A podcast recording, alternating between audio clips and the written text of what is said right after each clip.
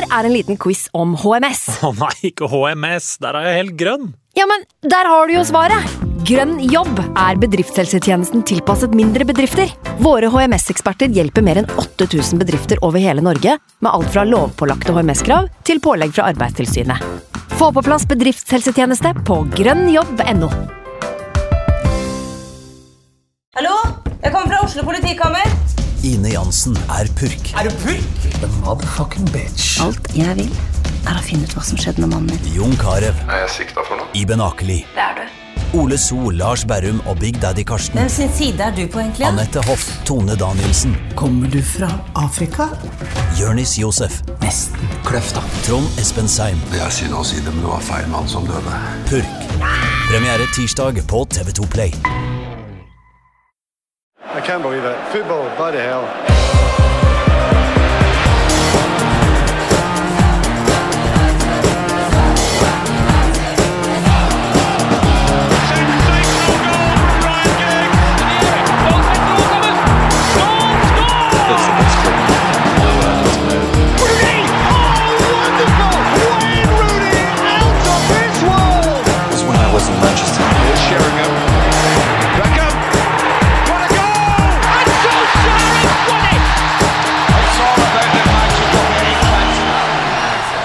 Velkommen skal du være til en eh, splitter ny utgave av United Beats podcast. Eh, Denne gang eh, en litt annen variant enn vanlig. Det er jo litt annerledes der ute. Virkeligheten har forandra seg nesten over natta.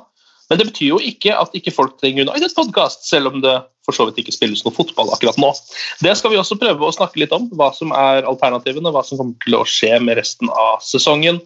Andreas Hedemann eh, han er podkastmann, han er eh, TV-utvikler. Eh, hvordan går det med deg hjemme i stua? Du, det går bra. Jeg sitter jo her inne på mitt hjemmekontor. Her har jeg sittet siden torsdag for en uke siden. Nå er det lørdag, så det er ni dager siden. Mm. Jeg tilbringer vel minimum ni-ti timer i denne stolen hver dag. Det gjør noe med psyken din. Eh, Men jeg har ikke, jeg har ikke mista det helt ennå. Um, så er det jo faktisk sånn at vi har vært veldig heldige med ganske bra vær og sånn i hovedstaden. Så bare ved siden av meg her så er det et dobbeltvindu, og det har vært mye åpent. Ja, Så så du jeg- jeg har later det som du er ute i friluft. Ja da, jeg har det bra jeg altså, etter forholdene. Det er ikke meg det er synd på. Nei, det er jo ikke det. Eh, men alt er jo ikke helt perfekt heller, for da jeg ringte deg opp på Skype nå for å lage denne podkasten, så satt du så på skiflygning fra Planica i 1994. det stemmer. Det er jo spesielt! Det er spesielt, men noe må man gjøre, og eh, det var et flott renn. Anbefaler alle å gå inn og sjekke det. Eh, Bjarte Valen eh, han er United-journalist for United.no, eh, med oss fra England. Er det i London du befinner deg, Bjarte? Det er det. Hvordan er det der, da? Er det, eh, hvordan er eh, koronakaoset i eh, the UK? Du, nå kommer det med full tyngde her òg. Eh, som vanlig så har jo britene stukket sa, eh, skal du si, eh, hodet litt i sanden som en struts Mm. og, og, og prøvd å tenke det at dette rammer ikke oss likedan som alle andre. Vi skal klare dette her fint sjøl. litt sånn brexit-filosofi. Eh, men nå har man funnet ut at eh, det går ikke lenger. Og etter å ha vært ganske restriktiv og forsiktig med å innføre diverse tiltak i begynnelsen, så har Storbritannia nå kommet etter for, for fullt. Eh, I går stengte skolene, Mm. så nå er de stengt på ubevisst tid. Eh, enda mer eh, problematisk er at eh, på veldig mange at nå er puber, kafeer, restauranter eh, også stengt. Så nå, eh, nå blir det mye hjemmesitting. Eh, og du vet, snitthuset i Storbritannia er jo mye mindre enn i Norge. Så man går jo veldig fort litt oppå hverandre her, da. Men som dere sikkert ser, så, så er det veldig greit for meg å nå ha min, min egen lille pub i garasjen og, og ha som tilfluktssted. Den, Ja, den, ikke- den er ikke stengt ennå. Det ser jo helt fantastisk ut der du sitter. Massevis av eh, skjerf i taket og greier. Ser ut som en pub. Eh, ja, det er jo for så vidt det. Eh, det, er, det er Det var en gammel guttedrøm som fikk eh, gå i oppfyllelse her for en del år siden når vi innredet eh, Garasjen ble, ble til pub. Ut med bil og inn med bardisk. så eh, det fungerer som kontor i hver, hverdagen òg. Så egentlig så er, det, så er det nesten business as usual for meg, selv om det er litt selvfølgelig andre typer saker man må, man må eh, skrive om. Du som er vant til å sitte på hjemmekontor, som jeg forstår nå, har du noen eh, mentale tips? Har du noen tips til alle oss som har blitt kastet inn i dette helt plutselig?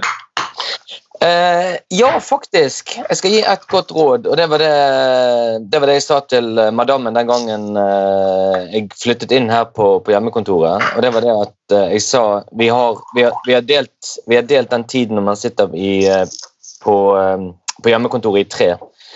Vi har en såkalt uh, grønn, gul og rød sone. Grønn sone betyr at det er helt fritt for uh, både hund og småen på åtte å komme inn og forstyrre hvis det er noe. Det er ikke noe spesielt som skjer. Gul sone, da sier jeg at nå konsentrerer jeg meg. nå Vær så snill, ikke forstyrr meg. I dag er vi på rød sone. Under ingen omstendigheter forstyrr meg akkurat nå, for nå er vi midt i noe som ikke kan vente. Hvis, hvis man klarer å kjøre den tredelingen der, og, og ha litt sånn skjermet tid, så er, og, og, man klarer å være på når man er på, og så kan man heller prøve å være av når man er av, holdt på å si, og ta seg av familien de gangene der, så, så, så funker det altså ganske bra. Klarer jeg, har, jeg har et tips til, og det er å øh, vente med joggebuksa til klokka er seks, vil jeg si. Kanskje, ja. Sånn at det føles ut som du har hatt litt arbeidsdag først. Og så over i joggebuksa når du skal sette deg i sofaen senere på kvelden. Det er sant. Eh, men eh, Bjarte, du har allerede skrevet en ganske fin sak eh, på United.no om som, hvilke alternativer man har da, for avvikling, av resten av denne fotballsesongen. For det er jo, er jo Den er jo ikke ferdig ennå. Den er liksom blitt kutta litt over halvveis, selvfølgelig. Men det, hvilke muligheter er det som finnes nå for hvordan man skal gjøre resten av Premier League, Champions League, Europa League-sesongen? Ja, eh, når jeg skrev denne kommentaren, så var jo det på bakgrunn av at jeg så de da hadde fire mulige alternativer. Det var før Uefa kom på banen og utsatte EM. Mm.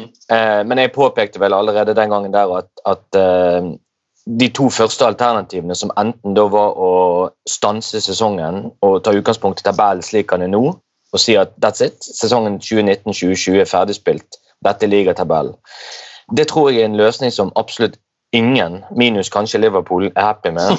Fordi at eh, det hadde vært ekstremt urettferdig overfor f.eks. Aston Villa, som nå ligger på nedrykksplass. To poeng opp til sikker grunn, men de har én kamp mindre spilt pga. at de var i auksjon i ligacupfinalen mot City. De kunne klatret opp på trygg plass hvis det hadde skjedd. Hva med Sheffield United, som er to poeng bak oss? Eh, og kunne gått forbi oss og gått inn på en Champions League-plass. Det kunne endret hele fremtiden til den klubben hvis det hadde skjedd. Eh, et sånt scenario tror jeg rett og slett hadde vært for urettferdig. Det eneste positive man egentlig kunne fått med det, hadde vært at man hadde fått en avklaring i forhold til hvem som vant ligaen, hvem som rykket ned, hvem som tok europacupplassene, men det hadde vært veldig urettferdig. Mm. Alternativ nummer to da, det hadde jo vært å bare avlyse hele sesongen. og Det hadde jo ikke blitt veldig populært på Mercyside, for å si det sånn. Eh, og det hadde jo kanskje vært dypt urettferdig overfor Liverpool, som nå mangler kanskje én eller to helger på å sikre det ligagullet. Kanskje. Eh, ja, eh, men, men, det er heller ikke noe som eh, jeg tror var særlig realistisk, for det ville utløst et sånt skred av kjedereaksjoner videre nedover.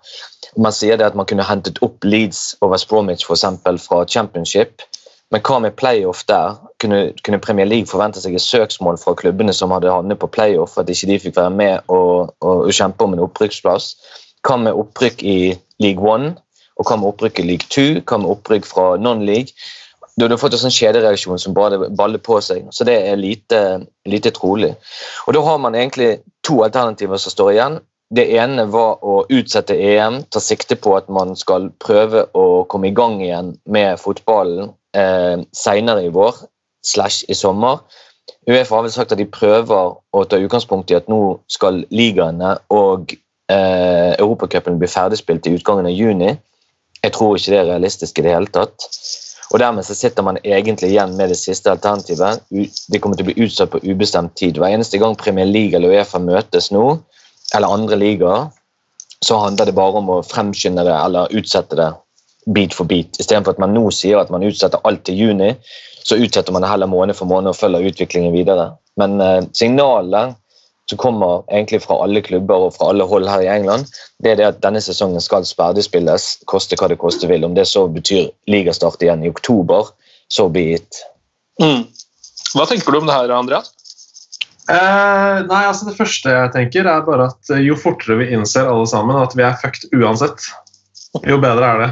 Altså Vi har ikke noen god løsning på dette. Det, det blir en dårlig løsning uansett, fordi vi er i en dårlig situasjon. Um, så det må vi bare innse. Det er ikke noe sånn, Vi kan ikke håpe på at uh, vi skal begynne å spille fotball igjen og få uh, topp fire-plass og Champions League. og sånn. Per dags dato så eksisterer ikke fotball.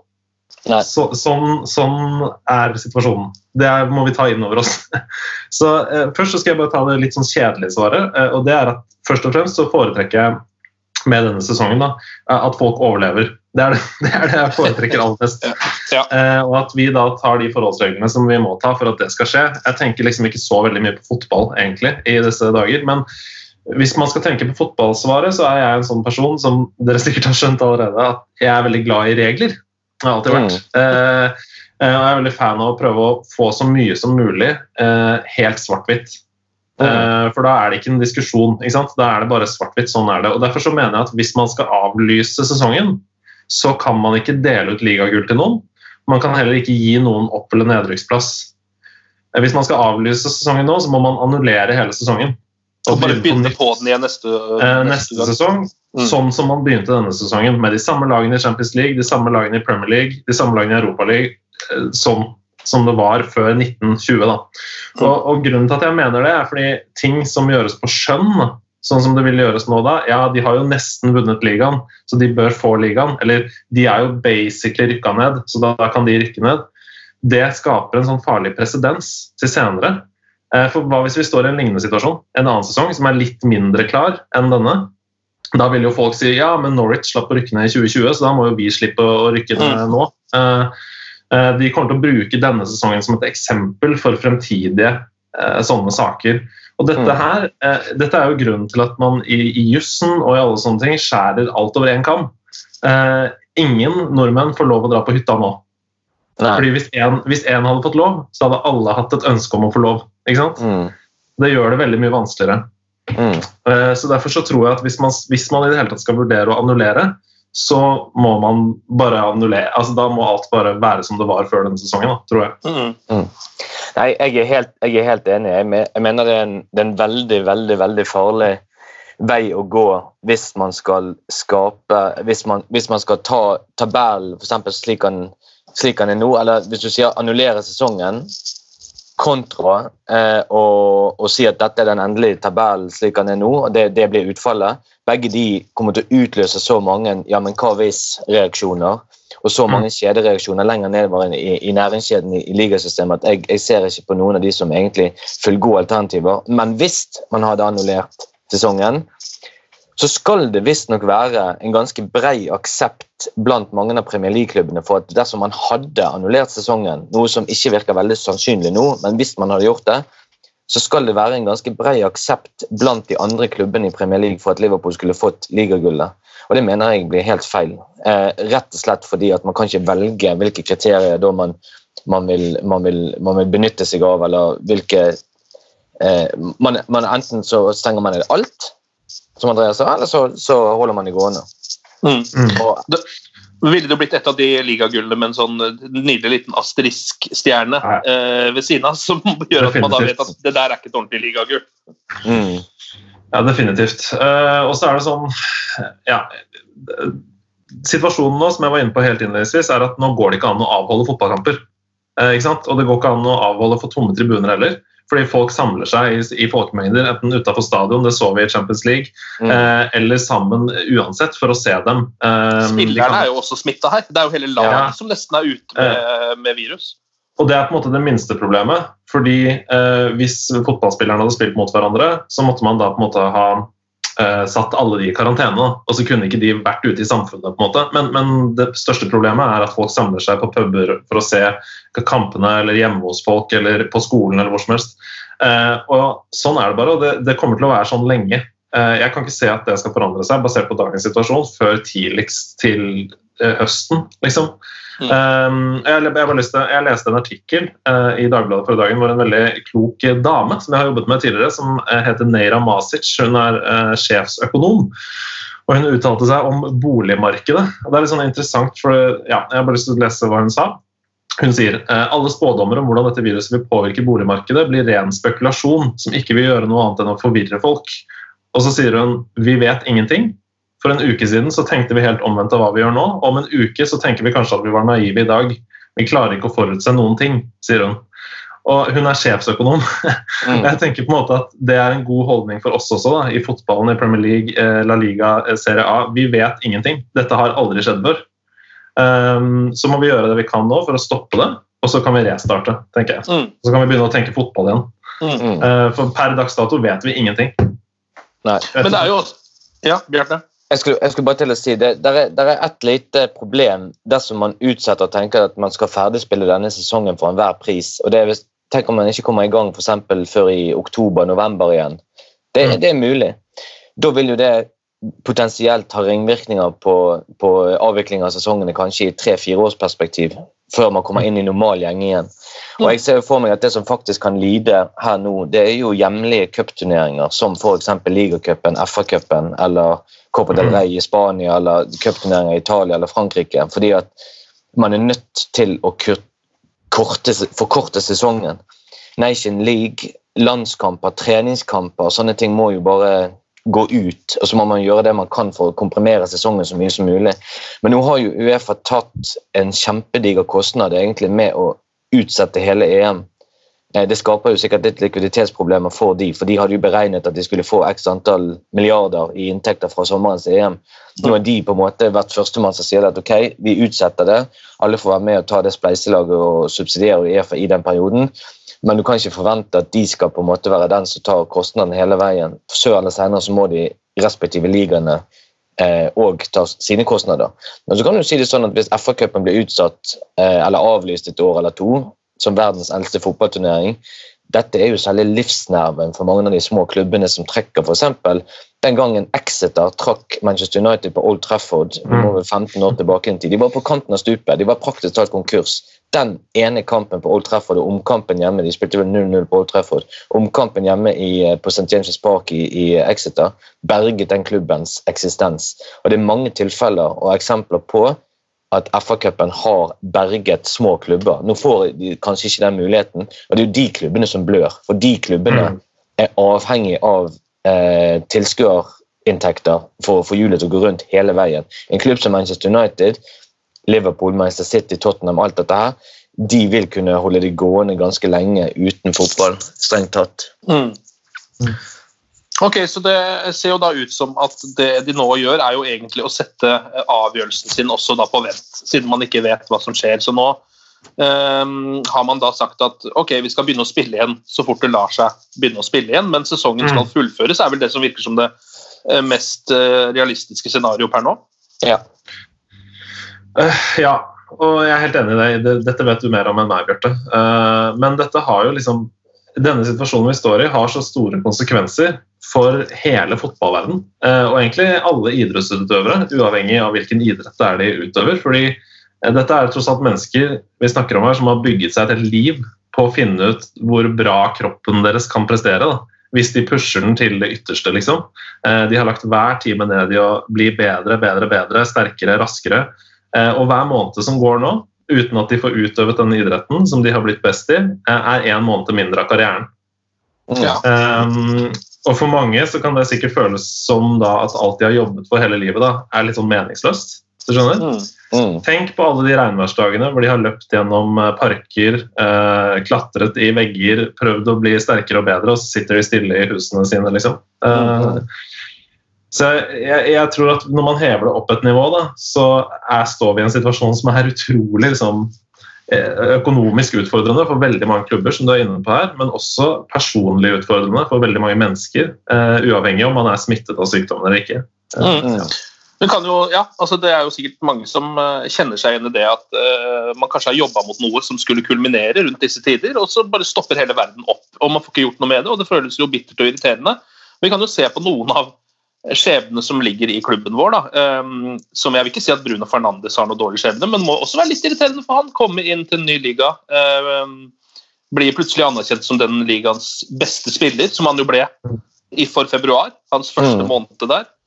Eh, han er i sitt livs form og skal eh, på en måte føre United til Champions League. eh, og så plutselig bare Nei, der var det ferdig. Og så har du Mm. Modon Igalo, da. Hva skjer med han? Altså, han, han kom, Sesongen hans er jo over. på en måte Hans låneperiode vil jo være ferdig idet det skal spilles kamper igjen. Ja. Eh, Men har han da overbevist nok kanskje til å få bli? Det er jo, altså, han har jo knapt nok spilt kamper, men skåret i alle sammen. Da. Så det er jo Ja, nei, det, det er vanskelig. Eh, men det er en litt interessant ting eh, som Nå har jo Boris Johnson, statsministeren her borte, begynt med det samme som eh, regjeringen i Norge har hatt. Nemlig daglige presseoppdateringer og pressekonferanser ut til folket. Og det, det skjer jo store ting hver eneste gang han er fremme og, og, og, og snakker for åpen mikrofon. Det som han sa i går som var litt interessant, det var det at eh, de så for seg I England så har man hele tiden tenkt at man skal hvis du kan se for deg en sånn kurve hvor utbruddet er på sitt hissigste, man skal prøve å flate den kurven, og istedenfor å få én sånn kjempediger topp som knekker hele helsevesenet her borte, så vil man heller, heller satse på å få mange mindre sånne bølger, eh, men innenfor en, en andel der helsevesenet kan, eh, kan håndtere det, eh, selv om det blir unntakssituasjon. Men han antydet at eh, man antageligvis nå må se det i et tolv ukers perspektiv, altså det er tre måneder, før man kan regne med at trenden begynner å snu.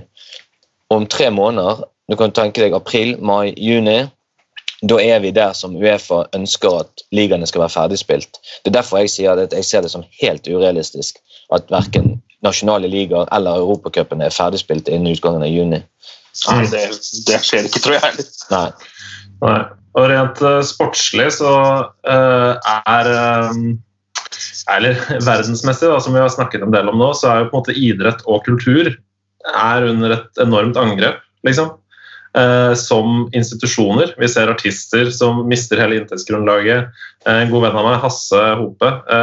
80% av inntekt ut 2020 er borte.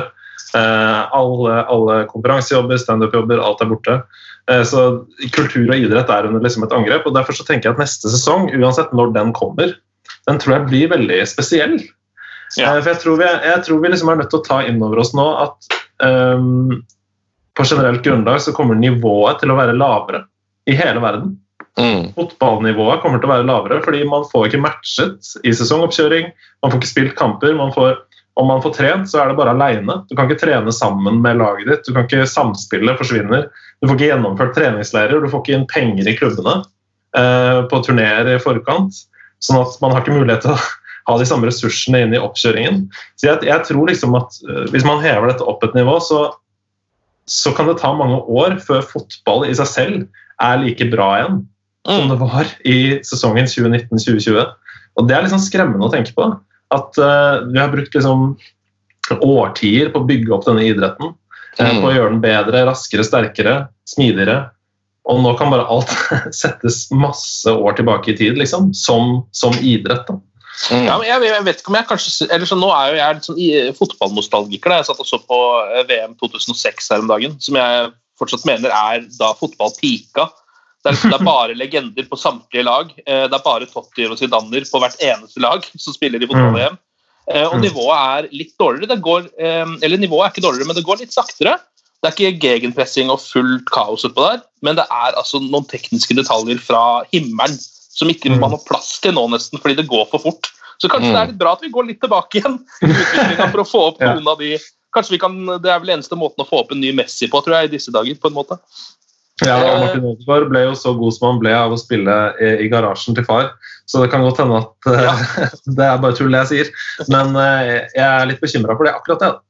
Mm. Ja, og så jeg tenker også Hvis man skal se på altså sånn, Nå vet vi jo ikke når dette begynner igjen, da, men for Manchester Uniteds del så vil det jo sannsynligvis si at når de skal spille fotball igjen, så har jo de et knallelag.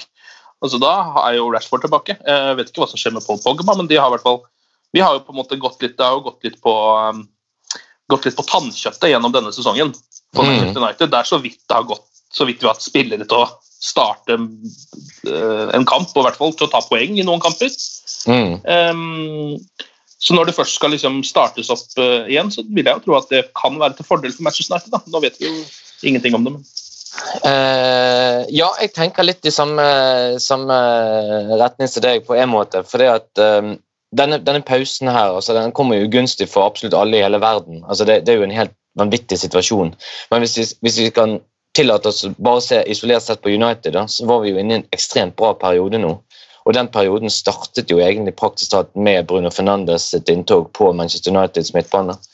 Eh, det er helt eksepsjonelt, det han har gjort. Eh, det kommer en sak nå i, i eh, nyeste United-supporteren som kommer ut nå i neste uke, som viser hvilken enorm innvirkning han har hatt på det laget. Eh, historisk perspektiv i Premier League-sammenheng. Ingen midtbanespiller Manchester United har kjøpt i hele Premier League-epoken, som har startet bedre enn det Bruno Fernandes har gjort, hvis du tenker målgivende og, og antall mål han har skåret. ok, Selv om to kom på straffespark, så, så, så har han hatt en fantastisk start. Eh, så, så, kan jo ikke United trene som lag, som tropp. De kan ikke kjøre fellestreninger sånn som situasjonen er nå. Det kan jo kanskje endre seg før man begynner å spille kamper igjen. Det vet vi ikke. Men jeg tenker at dette her var alltid dette skulle alltid være en slags unntakstilstand. En, en spesiell sesong for United der de hadde kvittet seg med mange eh, spillere à la Fellaini, Valencia, Sanchez, Lukaku, bla, bla, bla. Og fått inn mange nye unge spillere. Satt et lag.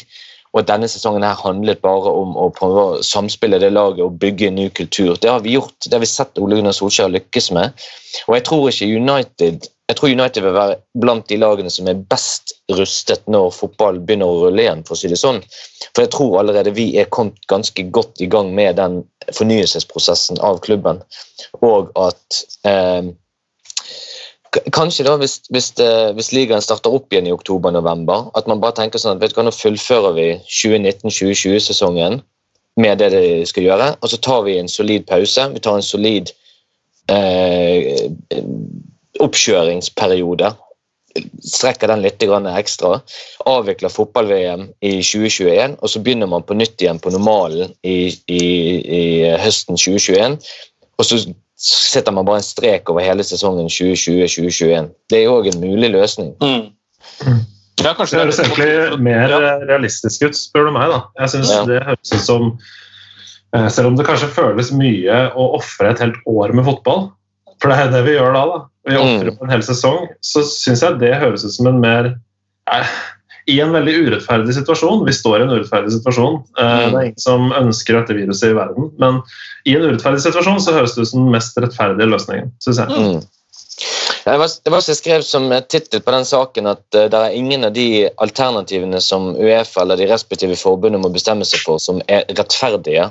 Men noen løsninger kan man leve med. Andre kan man kanskje ikke leve med, egentlig. Hvis du skal ta fotballens integritet og troverdighet som, som utgangspunkt, så, så, er det noen løsninger som vil være mindre urettferdige enn andre.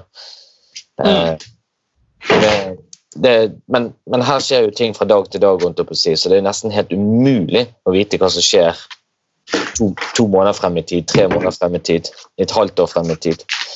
Ja, ikke sant? Vi kommer jo tilbake selvfølgelig med mer informasjon så fort vi vet hva som blir løsninga her, men jeg ser for meg at det ikke er noe vi kommer til å få svaret på heller, før vi er sikkert langt ute i sommeren. Nei. Kanskje de begynner å få en følelse på hvordan, hvordan dette her faktisk kan løses. Eh, mm. Men eh, enn så lenge så er det jo eh, Når det ikke er United-kamper og fotball på TV, så må man jo fylle eh, tiden med noe annet. Um, og Da kan jeg anbefale TV 2, som hadde en tretimers sending om tidenes beste Premier League-skåringer her om dagen. Tror det mm. fortsatt ligger ute i nettspilleren deres, eh, Sumo. Ehm, det var helt fantastisk eh, å se. Eh, de hadde vel 64 av de beste Premier League-målene gjennom tidene. Et nydelig Rod Wallace-mål inni der, husker jeg, som dessverre ble stemt ut litt for tidlig. Men det er jo Manchester United-skåringer som går langt der. Kan jo også røpe ehm, at både Ronaldo og Rooney er blant de fire beste. Mm. Ronaldo sin, sitt frispark mot Portsmouth som han jo var den første i verden som utførte uh, den typen frispark. Og så selvfølgelig Wayne Rooneys uh, uh, brassespark mot Manchester City. Mm. Så det der er gull å se på. Har dere noen andre tips til fotballhungrige folk der ute? Ja, altså vi er jo eh, så heldige da, at vi eh, er et år hvor eh, Altså det er ikke 1930 her. Vi har utrolig mye innhold som vi kan få fra alle kanter. Enten det er Netflix eller YouTube eller hva som helst. Vi kan jo liksom Så lenge vi har mat og drikke, så kan vi være i månedsvis inne med underholdning. Um, jeg har nettopp oppdaga en serie som Kanskje ikke helt fotballrelatert, men en serie som heter uh, en Formel 1-serie. Ja, Drive to Survive. Drive to Survive. Ja, den er altså så bra. Å, herlighet. Er det mulig? Jeg, jeg Har du sett så- det der, Bjarte? Nei, det har jeg Altså, ikke. jeg, jeg bøyer meg i støvet for alle som har vært involvert i den produksjonen, fordi det er, det er så bra. Det er så bra. Ja, og det er, det, For oss som er vant til fotball, så burde man se den serien. fordi altså, Tilgangen man har uh, på Formel 1-kjørere og Formel 1-team og sånn, rent journalistisk, er altså helt vanvittig. Der er det Ja. åpne kameraer på alt. Eh, Teamlederen sier hvis ikke han der eh, får noen poeng i neste løp, så sparker vi han. Og så får han ikke poeng, og så sparker de han. Mm. Uh, Det er lagkamerater som krangler med hverandre for åpent kamera. Journalisten spør teamlederen hva syns du om at de krangler. Han sier de er idioter begge to. Det, er, det, er, det er helt utrolig. Og det er så det er så, ja, det er så mange historier der som jeg bare Jeg skjønner nesten ikke hvordan man kan planlegge uh, for det. Det er sånn uh, Man må jo uh, i forkant av innspilling velge seg ut hvem man skal følge, som f.eks. Amazon gjorde med Manchester City. De valgte seg ut det laget før denne sesongen. At nå skal vi følge dem, og så får vi bare se hvordan det går. Vi kan bare planlegge så og så mye. Men her har man altså truffet så ekstremt godt da, med de man har valgt seg ut. Og det er ikke bare de største lagene man har valgt, man har tatt et lite lag som kommer opp og bare ja, Jeg skal ikke spoile noe, men det er helt utrolig, de historiene som kommer fram. Så det må man bare se.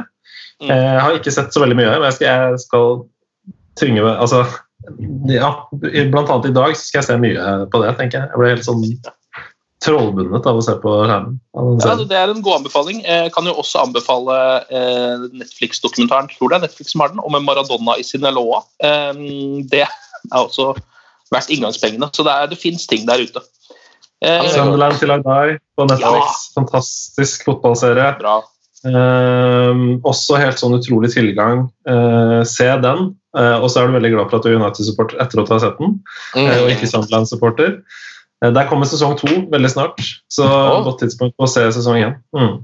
Absolutt. Ja, veldig bra. Jeg var ikke klar over at den var eh, på vei, men eh, det er jo godt. Den serien er jo rent gull. Det er på en måte den, det er jo motsatsen til den Manchester City-dokumentaren. det er liksom Ja. det totalt motsatte av det som foregår der. Ja. Ok, Jeg vet ikke om det er noe mer dere vil tillegge, gutter, før vi eh, legger på og altså, Det er nesten så jeg ikke har lyst til å legge på, for da må jeg bare sitte her og snakke med meg sjæl eh, resten av dagen. For det er jo sånn, sånn det funker nå. Jeg kan, jeg kan jo si det sånn at uh, selv om fotball har pause enn så lenge, i hvert fall, så, uh, så kjører vi videre på, uh, på United.no med alt, alt vi kan holdt på å si, av nyheter, analyser og kommentarer. Det blir jo selvfølgelig en litt spesiell situasjon i og med at vi ikke vi har masse stoff i forkant av kamper, og ikke minst i etterkant av kamper, eh, når det ikke spilles en eneste kamp. Men, eh, men vi kommer til å kjøre på eh, inntil videre med jeg har nesten uforminket styrke ut, ut, ut fra de beste forutsetningene. Eh, gjøre det beste ut av forutsetningene som vi har nå. Så, eh, eh, og det vi ser, som er ganske rørende egentlig å se på, det er jo det at vi har solide besøkstall i den tiden her. Eh, tross alt, og det, det setter vi veldig stor pris på. og Vi skal gjøre alt vi kan for å prøve å holde folk oppdatert så mye som mulig. Ja, eh, det er kjempebra. Veldig, veldig bra. Jeg vil også bare berømme det initiativet som har kommet med eh, live-kommentering av tidligere fotballkamper. F.eks. Juventus United der. Det var helt, eh, helt konge altså, eh, å se om igjen. Og spesielt med, med oppdaterte kommentatorer da, som eh, opplever det for første gang eh, Mm. tilsynelatende. Nei, det var gåsehud. Eh, så det var kjempegodt tiltak. Eh, mer av det. Vi har selvfølgelig også tenkt til å prøve å gi ut ukentlige podkaster. Folk har jo fortsatt lyst til å eh, snakke litt om eh, og tenke litt på Manchester United, selv om, eh, eller kanskje spesielt fordi det ikke spilles fotballkamper. Så kan det være litt ålreit, så vi skal prøve på det. Kanskje det blir litt mer retrostoff, kanskje noen kåringer og litt sånt som kommer da utover fram mot våren. Du skal ikke se bort ifra det. Så det blir bra, det, altså. Ja, Da hopper jeg det. tilbake til skiflyging fra Planica. fra 94. Ja.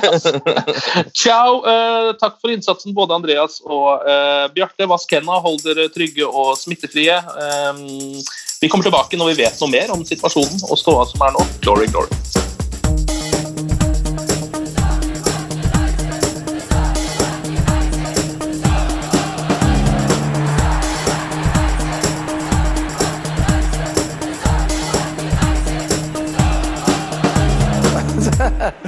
Oh, it's true. I've seen many things. Moderne media. Ukens annonsør det er matkasseleverandøren Hello Fresh. Der kan du velge mellom 25 ulike oppskrifter hver uke, eller få Hello Fresh til å sette sammen en meny for deg. Jeg sparer tid på å handle, oppskriftene er veldig enkle å lage, og så får jeg akkurat det jeg trenger da, til hver eneste rett, så jeg slipper å kaste så mye mat som jeg vanligvis gjør. Det er også litt deilig å faktisk slippe å gå på butikken, ikke bare fordi det er tidkrevende, og sånn, men fordi man ender opp med å kjøpe så mye greier som man egentlig ikke trenger, sånn som fire poser eh, Smash og en kick med havsalt, eksempel. Det er ikke det du egentlig er der for, du er der for å kjøpe, kjøpe middag. Så det er en veldig eh, kjekk ting. I tillegg så er det jo eh, ferdigporsjonerte ingredienser, det blir mindre matsvinn, og du betaler bare for det du faktisk trenger, og det du faktisk da spiser. I tillegg så blir det da levert på døra til et fastsatt tidspunkt, sånn at du kan få det akkurat når det passer for deg eh, sjæl. Hvis Hello Fresh høres ut som noe for deg, så har jeg en rabattkode du kan bruke også. Gå inn på hellofresh.no og bruk koden HelloUnited24. HelloUnited i ett ord, også 24, og få opptil 1779 kroner i rabatt på de fem første matkassene dine hvis du ikke har prøvd Hello Fresh ennå. Du kan også bruke koden hvis du tidligere har vært kunde, men har stoppa abonnementet ditt for tolv måneder siden eller mer. Det er ingen bindingstid, og du kan pause eller avslutte abonnementet ditt akkurat når du selv måtte ønske. Husk koden HelloUnited24, og bon appétit! Ukens annonsør er Folio, en smartere banktjeneste for deg som har en egen bedrift eller ønsker å starte for deg selv. Folio er en superenkel nettbank for bedrifter. Som kunde i Folio får du en bedriftskonto med et bedriftskort og app. I denne appen er det smarte løsninger som forenkler regnskapet ditt, uansett om du har en liten bedrift eller et enkeltpersonsforetak. Folio er både intuitivt og brukervennlig, og er laget med et enkelt språk. I tillegg tilbyr de forutsigbare priser og ingen skjulte gebyrer. Skulle du likevel trenge det, så kan du snakke med deres raske og hyggelige kundeservice, og der får du prate med en faktisk person og ikke en chatbot. Folio er med andre ord både enklere og koseligere enn banken.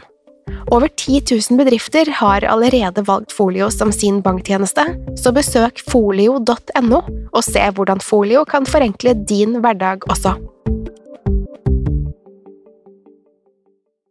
Har du et enkeltpersonforetak eller en liten bedrift? Da er du sikkert lei av å høre meg snakke om hvor enkelt det er med kvitteringer og bilag i fiken, så vi gir oss her, vi. Fordi vi liker enkelt. Fiken superenkelt regnskap.